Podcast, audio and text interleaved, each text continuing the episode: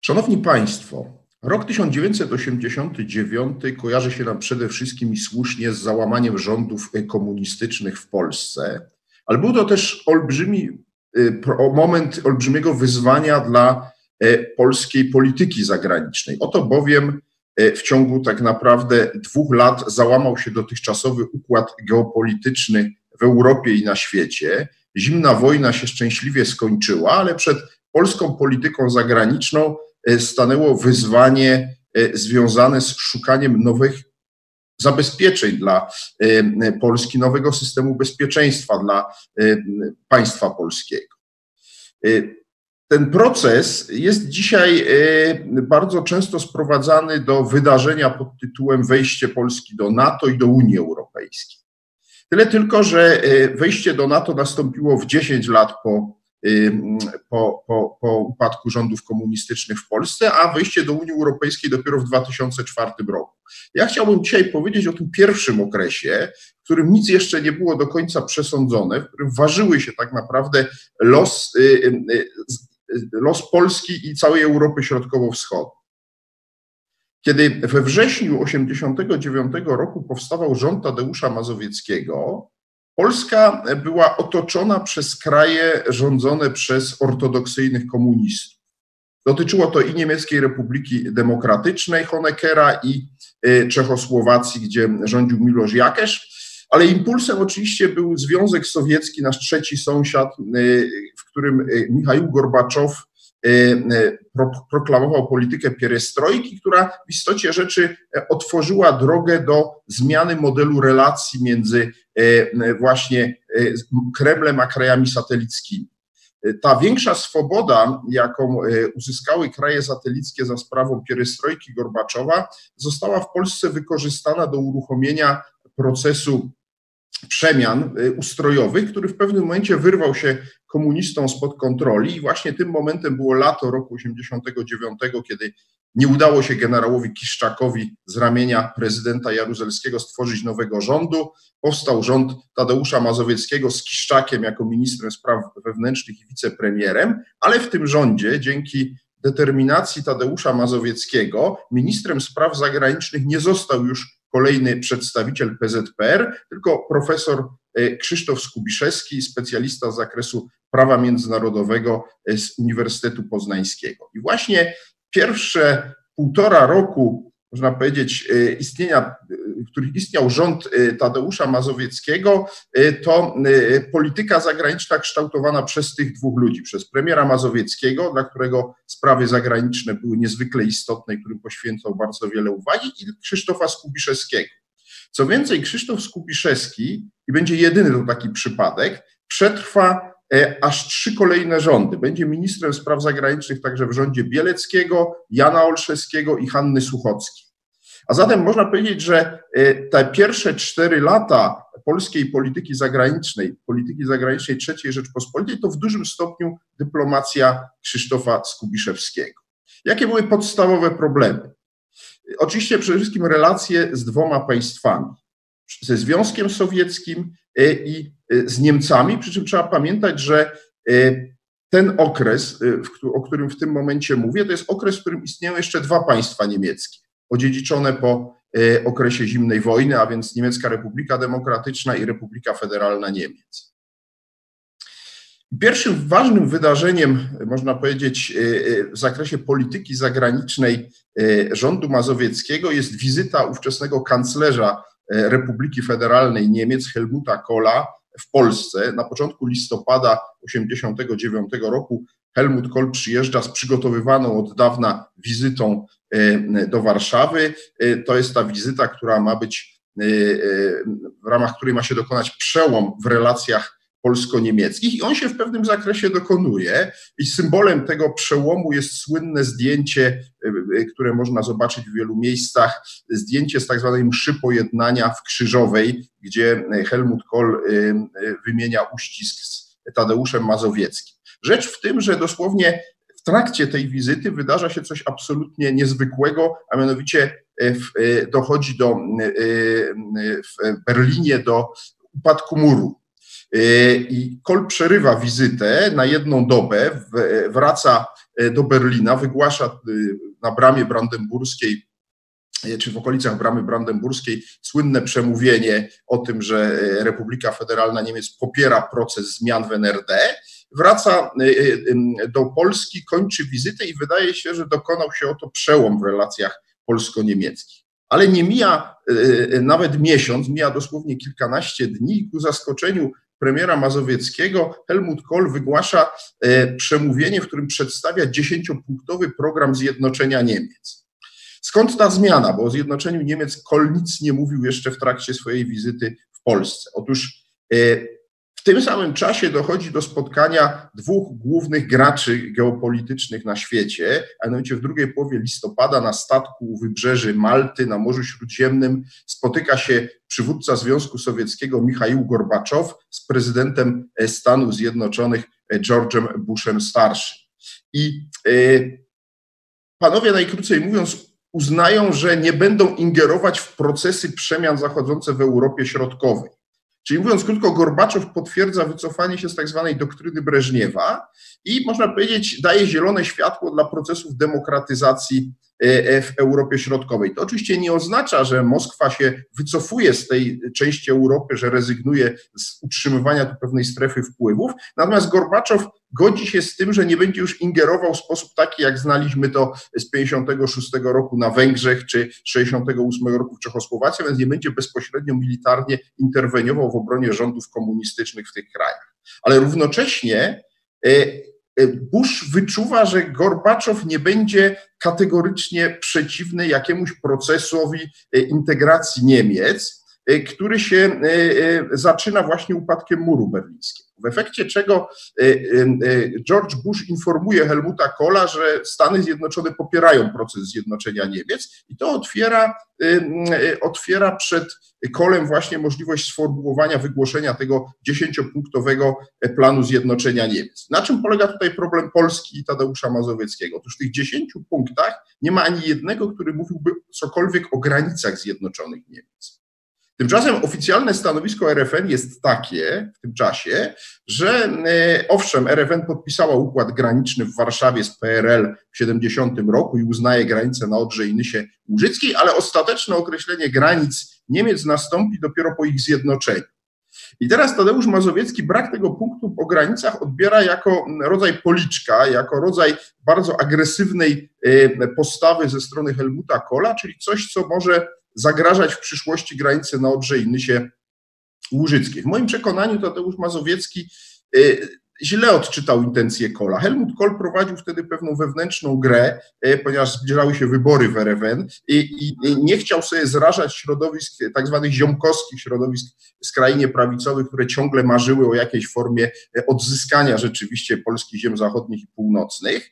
W związku z tym e, unikał tej jasnej deklaracji w tej sprawie, natomiast w rozmowach z Amerykanami innych jasno dawał do zrozumienia, że on nie widzi potrzeby ani nie będzie absolutnie dążył do jakiejś zmiany granic. Niemniej jednak Tadeusz Mazowiecki rozpoczął olbrzymią kampanię dyplomatyczną, której celem było przekonanie czy nakłonienie kolan, a właściwie tak naprawdę władz obu państw niemieckich, NRD i RFN, jeszcze przed zjednoczeniem, aby jasno zadeklarowały, że granica po zjednoczeniu nie będzie zmieniona. E, tutaj trzeba powiedzieć jasno, że na przełomie 89 i 90 roku wydarzenia zaczęły biec coraz szybciej, ponieważ początkowo Kohl nie zakładał, że to zjednoczenie Niemiec nastąpi na przestrzeni niespełna roku. Dopiero żywiołowy rozpad struktur państwowych NRD, to, że każdego dnia po otwarciu granic tysiące obywateli NRD przenosiły się do Republiki Federalnej Niemiec, a także przemyślana kampania związana choćby z rozdawaniem e, e, tak zwanego powitalnego, czyli każdy taki pewną ilość marek zachodnio-niemieckich, obywatel NRD, który przekroczył granicę, to powodowało, że ten proces integracji tam rzeczywiście zaczął e, e, bardzo przyspieszać. Ale oczywiście decydowane, decydujące znaczenie miała w tej sprawie postawa wielkich mocarstw Związku Sowieckiego i e, Stanów Zjednoczonych. Bo i Francja, i Wielka Brytania, która jako też państwa uczestnicy koalicji antyhitlerowskiej miały w tej sprawie coś do powiedzenia, były sceptyczne wobec zjednoczenia Niemiec. I kiedy Tadeusz Mazowiecki pojechał do ówczesnej premier w lutym, 8, w lutym 90 roku, do ówczesnej premier Wielkiej Brytanii Margaret Thatcher, a w miesiąc później do prezydenta Francji François Mitterranda, to właściwie usłyszał od obu tych polityków to samo, że oni właściwie są sceptyczni wobec zjednoczenia Niemiec. Oczywiście popierają polskie starania w sprawie granic, ale właściwie nic nie mogą zrobić. Nic nie mogą zrobić, bo o tym decyduje Waszyngton i Moskwa. Moskwa zapewniała e, e, Mazowieckiego, że popiera sprawę e, granicy, natomiast kiedy Tadeusz Mazowiecki pojechał do Waszyngtonu w marcu 90 roku, dowiedział się od George'a Busha, że oczywiście sprawa granic jest absolutnie poza dyskusją, nie będą zmieniane, ale Helmut Kohl odmawia złożenia deklaracji w tej sprawie przed zjednoczeniem Niemiec i Polska po prostu powinna się z tym faktem pogodzić. Natomiast powinna się zająć czymś innym, mianowicie wyprowadzeniem wojsk sowieckich ze swojego terytorium. I tutaj trzeba powiedzieć o drugim e, wymiarze tej sprawy, o której e, cały czas tu Państwu opowiadam, a mianowicie Tadeusz Mazowiecki e, na tyle mocno przestraszył się właśnie tej deklaracji, czy braku deklaracji Kola, że przestał na wiele miesięcy myśleć o kwestii, może nie myśleć, ale działać w kierunku wyprowadzenia wojsk sowieckich w z Polski. Symbolem panowania sowieckiego nad Polską było mniej więcej 40-50 tysięcy żołnierzy e, sowieckich rozmieszczonych w bazach w Polsce, głównie w Polsce zachodniej i północnej. Na przełomie 89 i 90 roku, po upadku rządów komunistycznych w Czechosłowacji i na Węgrzech, rządy tych krajów podjęły natychmiast e, rozmowy z Moskwą na temat wyprowadzenia wojsk sowieckich z ich terytorium. W lutym 90 roku rząd sowiecki e, e, wydał oświadczenie, że rozpoczął już takie rozmowy z Czechosłowacją i Węgrami jest gotów natychmiast rozpocząć takie rozmowy z rządem e, polskim. Tymczasem Tadeusz Mazowiecki, ku zaskoczeniu bardzo wielu Polaków, stwierdził, że oczywiście my w stosownym czasie takie rozmowy rozpoczniemy, ale na razie dla nas kluczowe znaczenie ma kwestia granicy zachodniej i dał właściwie w ten sposób do zrozumienia, że te wojska są tu gwarantem nienaruszalności tej granicy. To było niezwykle ryzykowne posunięcie. Dlaczego? Dlatego, że w momencie, kiedy e, Mazowiecki to mówił, a był to luty i e, marzec 90 e, roku, stan rozmów na temat zjednoczenia Niemiec był taki, że Związek Sowiecki ciągle nie zgadzał się na szybkie zjednoczenie, raczej mówił o procesie wieloletnim zbliżania NRD i RFN i kompletnie wykluczał możliwość tego, żeby to przyszłe zjednoczone Niemcy były członkiem Paktu Północnoatlantyckiego. Tymczasem na przestrzeni dosłownie kilku miesięcy, od właśnie mniej więcej lutego roku 90 do lipca e, tego roku, a więc mniej więcej około pół roku, Gorbaczow, e, zachęcany przez Kola olbrzymimi transferami pieniężnymi, zgodził się najpierw na to, żeby to zjednoczenie Niemiec dokonało się już jesienią roku 90, a później za oczywiście kolejne olbrzymie kwoty pieniędzy, także i na to, aby y, te zjednoczone Niemcy y, stały się członkiem Paktu Północnoatlantyckiego i za kolejne transze finansowe zgodził się wyprowadzić możliwie szybko wojska sowieckie z obszaru y, Niemieckiej Republiki Demokratycznej, a było ich tam około 300 tysięcy. I teraz, jakie to miało znaczenie dla Polski? Otóż w momencie, kiedy w lutym 90 roku Rosjanie proponowali rozpoczęcie negocjacji na temat wyprowadzenia swoich wojsk z Polski, zakładali jeszcze, że przez wiele lat będą mieli olbrzymi korpus wojsk, wojsk e, w Niemczech Wschodnich. Kiedy zgodzili się na ich wycofanie, e, siłą rzeczy przestali być zainteresowani wycofywaniem swoich wojsk z Polski.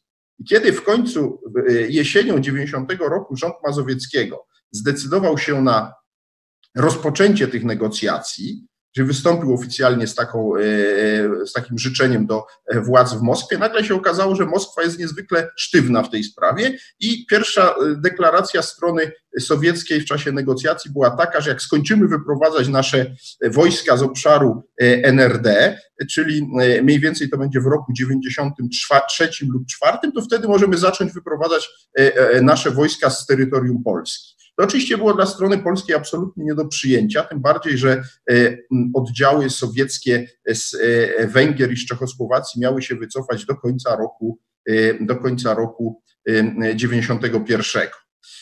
Niemniej jednak postęp w rozmowach z Rosjanami był niezwykle trudny i spadł na, już na barki kolejnego rządu, ponieważ rząd Tadeusza Mazowieckiego i sam premier podał się do dymisji po przegranych wyborach prezydenckich w grudniu 90 roku. Powstał nowy rząd, rząd Jana Krzysztofa Bieleckiego ale z Krzysztofem Skubiszewskim jako ministrem spraw zagranicznych. I tutaj Polska, właśnie ten nowy polski rząd zdecydował się na użycie pewnej presji wobec Moskwy. Na czym ta presja polegała?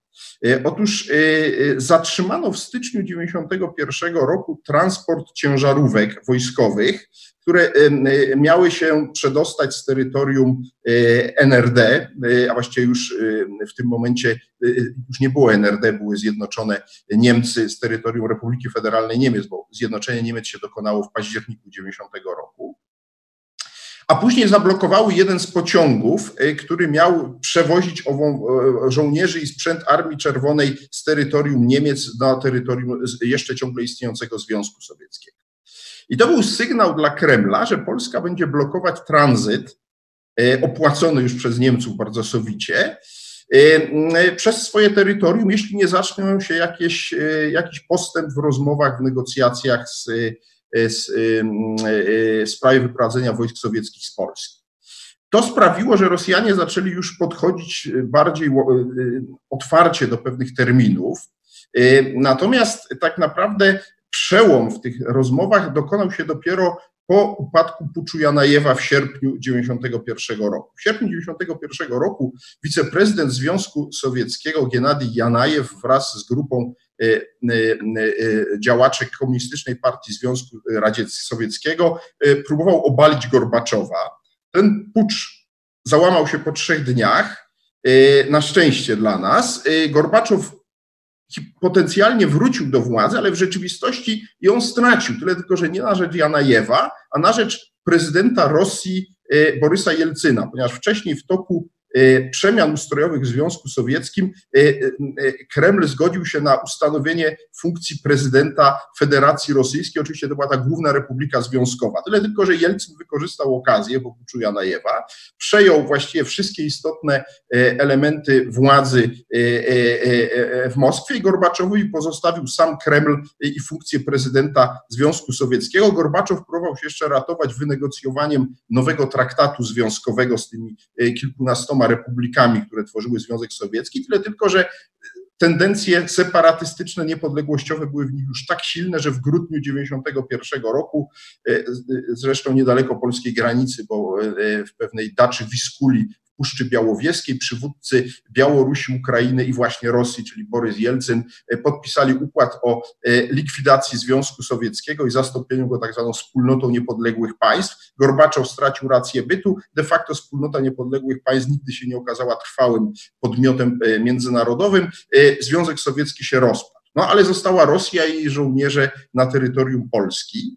I tutaj po puczu Y, po puczu Janajewa y, rzeczywiście te negocjacje przyspieszyły. W październiku 1991 roku parafowano porozumienie, które zakładało, że Rosjanie wycofają swoje oddziały bojowe do końca roku 92, a wszystkie pozostałe do roku 93.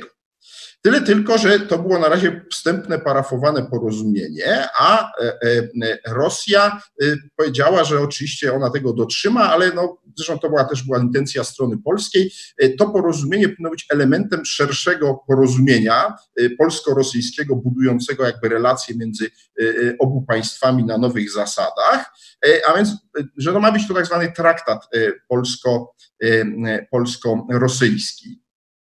Y, to miała być analogia do traktatu polsko-niemieckiego, bowiem y, y, Helmut Kohl, kiedy już ostatecznie osiągnął swoje cele, rzeczywiście najpierw w roku 90 to był jeden z pierwszych aktów międzynarodowych, które Zjednoczone Niemcy podpisały. Podpisał układ graniczny z Polską. Tego, to się udało jeszcze e, zrobić rządowi Mazowieckiego. Natomiast rząd Bieleckiego podpisał w czerwcu 1991 e, roku z Niemcami traktat o e, traktat właśnie polsko-niemiecki o przyjaźni i współpracy, który jest do dzisiaj podstawą relacji polsko-niemieckich. Teraz oto pojawił się problem podpisania podobnego traktatu polsko-rosyjskiego i Szczegóły doprecyzowania tego traktatu spadły już na barki kolejnego rządu III Rzeczpospolitej, rządu Jana Olszewskiego, który powstał po E, pierwszych całkowicie demokratycznych wyborach do parlamentu w Polsce, które się odbyły w październiku 1991 roku. W rządzie Jana Olszewskiego ministrem spraw zagranicznych był dalej Krzysztof Skubiszewski i to właśnie on i jego pracownicy Ministerstwa Spraw Zagranicznych negocjowali ten trakt. Tyle tylko, że w trakcie tych negocjacji doszło do bardzo ostrego konfliktu właśnie między ministrem Skubiszewskim jego podwładnymi, a premierem Olszewskim, jego doradcami e, do spraw międzynarodowych. E, co było e, przedmiotem tego sporu? Otóż jeden z załączników do traktatu polsko-rosyjskiego w wersji, którą pierwotnie wynegocjowano, przewidywał, że w bazach sowieckich, które będą opuszczane przez te oddziały rosyjskie, powstaną spółki polsko-rosyjskie. I y, y, skąd się wziął ten pomysł? Otóż y, Nowa służba specjalna e, trzeciej RP, Urząd Ochrony Państwa, oczywiście jako głównego przeciwnika e, e, traktowała rosyjskie służby specjalne i obawiała się, że Rosjanie będą penetrować wywiadowczo Polskę za, za pośrednictwem między innymi polsko-rosyjskich przedsiębiorstw. Wymyślono sobie w łopie, moim zdaniem dość naiwnie, że jak te spółki będą działały w tych bazach, to tam je będzie łatwiej kontrolować niż jak one będą gdzieś przez jakichś podstawionych ludzi zakładane, przez jakichś obywateli obywateli z Ameryki Łacińskiej czy skądś inąd, prawda? W związku z tym niech te spółki powstaną. Przekonano do tego pewnych ludzi w Ministerstwie Spraw Zagranicznych. Tymczasem jak się wydaje, y, premier Olszewski i y, jego doradca do spraw międzynarodowych, profesor Zdzisław Najder, jeszcze kilku innych ludzi, minister obrony Jan Parys, chyba mieli rację, mówiąc, że y, Rosjanie i tak sobie wywiadowczo w Polsce będą jakoś radzili, natomiast te spółki będą symbolem zależności Polski, jakiejś formy zależności dalszej Polski od Kremla i w związku z tym kategorycznie się temu sprzeciwili. Doszło do zamieszania i moim zdaniem błędów w MSZ, a mianowicie w pewnym momencie w maju 1992 roku wiceminister spraw zagranicznych parafował właśnie te wszystkie dokumenty, traktat polsko-rosyjski z tymi wszystkimi załącznikami, w tym z tym załącznikiem o spółkach polsko-rosyjskich. To doprowadziło do olbrzymiego konfliktu między rządem Olszewskiego a prezydentem Wałęsą, który tutaj popierał bardzo mocno Skubiszewskiego i właściwie z ramienia którego e, Skubiszewski był dalej ministrem spraw zagranicznych w rządzie Olszewskiego. Finałem całego tego, e, e, całego tego sporu była była awantura związana z wysłaniem e, do Moskwy szyfrogramu zawierającego stanowisko rządu Jana Olszewskiego, skierowanego do e, prezydenta Wałęsy, mówiąc krótko, kategorycznie sprzeciwiającego się podpisaniu właśnie traktatu polsko-rosyjskiego z tym e, właśnie załącznikiem o spółkach. I tu trzeba przyznać, że Lech Wałęsa, e, e, choć później był wściekły i rzeczywiście to był jeden z powodów jego decydującej roli w obaleniu rządu Jana Olszewskiego, ale tu się ugiął przed ultimatum rządu Olszewskiego i nakłonił Jelcyna, co było absolutnie bez precedensu, żeby na trzy godziny dosłownie przed podpisaniem traktatu z jego załącznikami ten jeden załącznik zmienić i ten fragment o spółkach został e, usunięty. E, to był niewątpliwie sukces polskiej polityki zagranicznej. E, Rosjanie się cofnęli.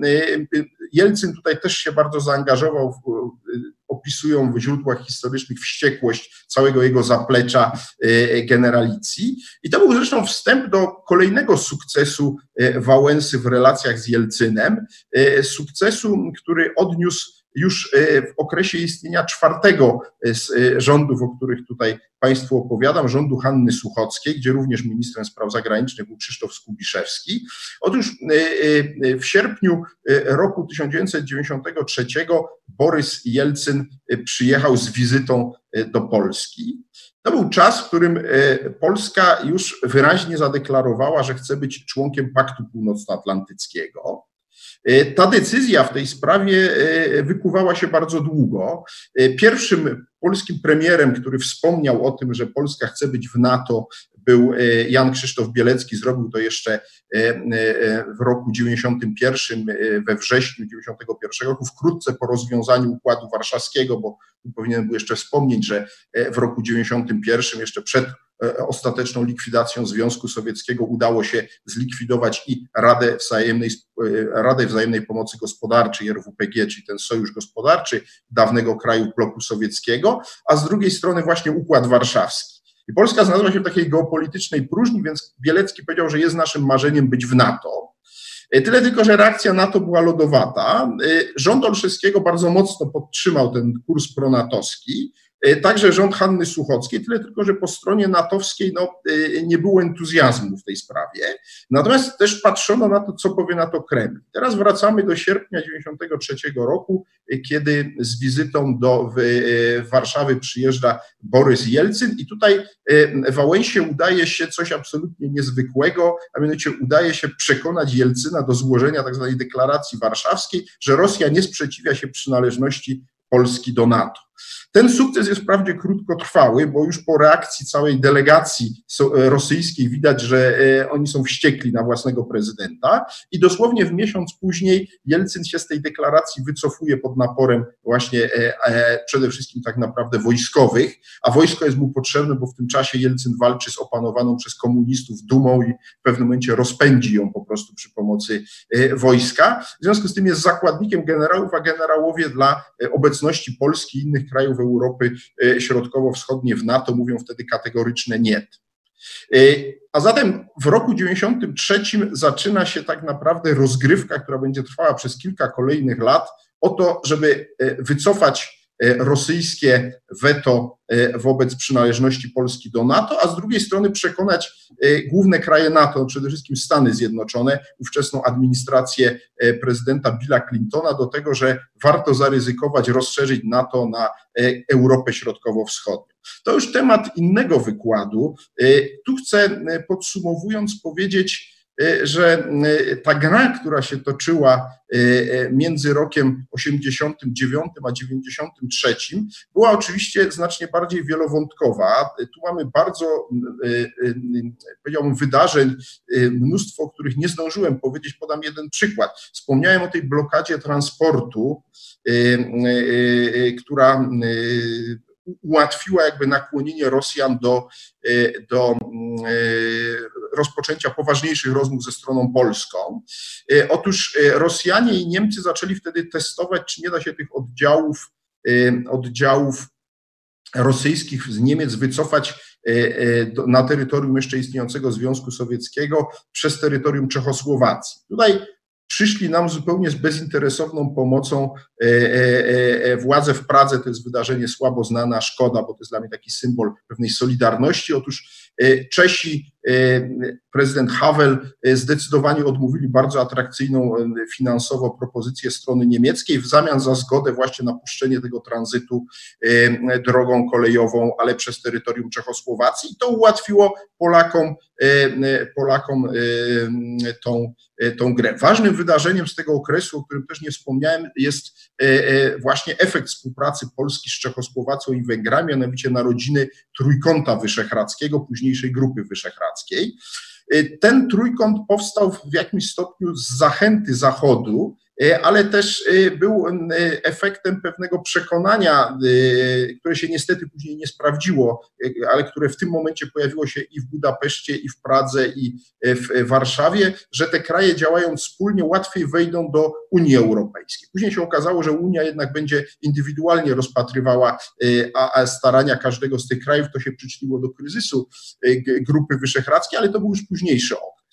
Podsumowując, chcę Państwu powiedzieć, że polityka zagraniczna Polski w tamtym okresie była niezwykle trudna, ponieważ sytuacja geopolityczna zmieniała się niezwykle dynamicznie i wszystkich zainteresowanych e, tym tematem e, chcę odesłać do mojej książki e, od Mazowieckiego do Suchockiej Pierwsze rządy wolnej Polski. W tej książce bardzo szczegółowo omawiam to wszystko, co było tematem mojego dzisiejszego wykładu. Dziękuję Państwu bardzo e, za uwagę. Thank you.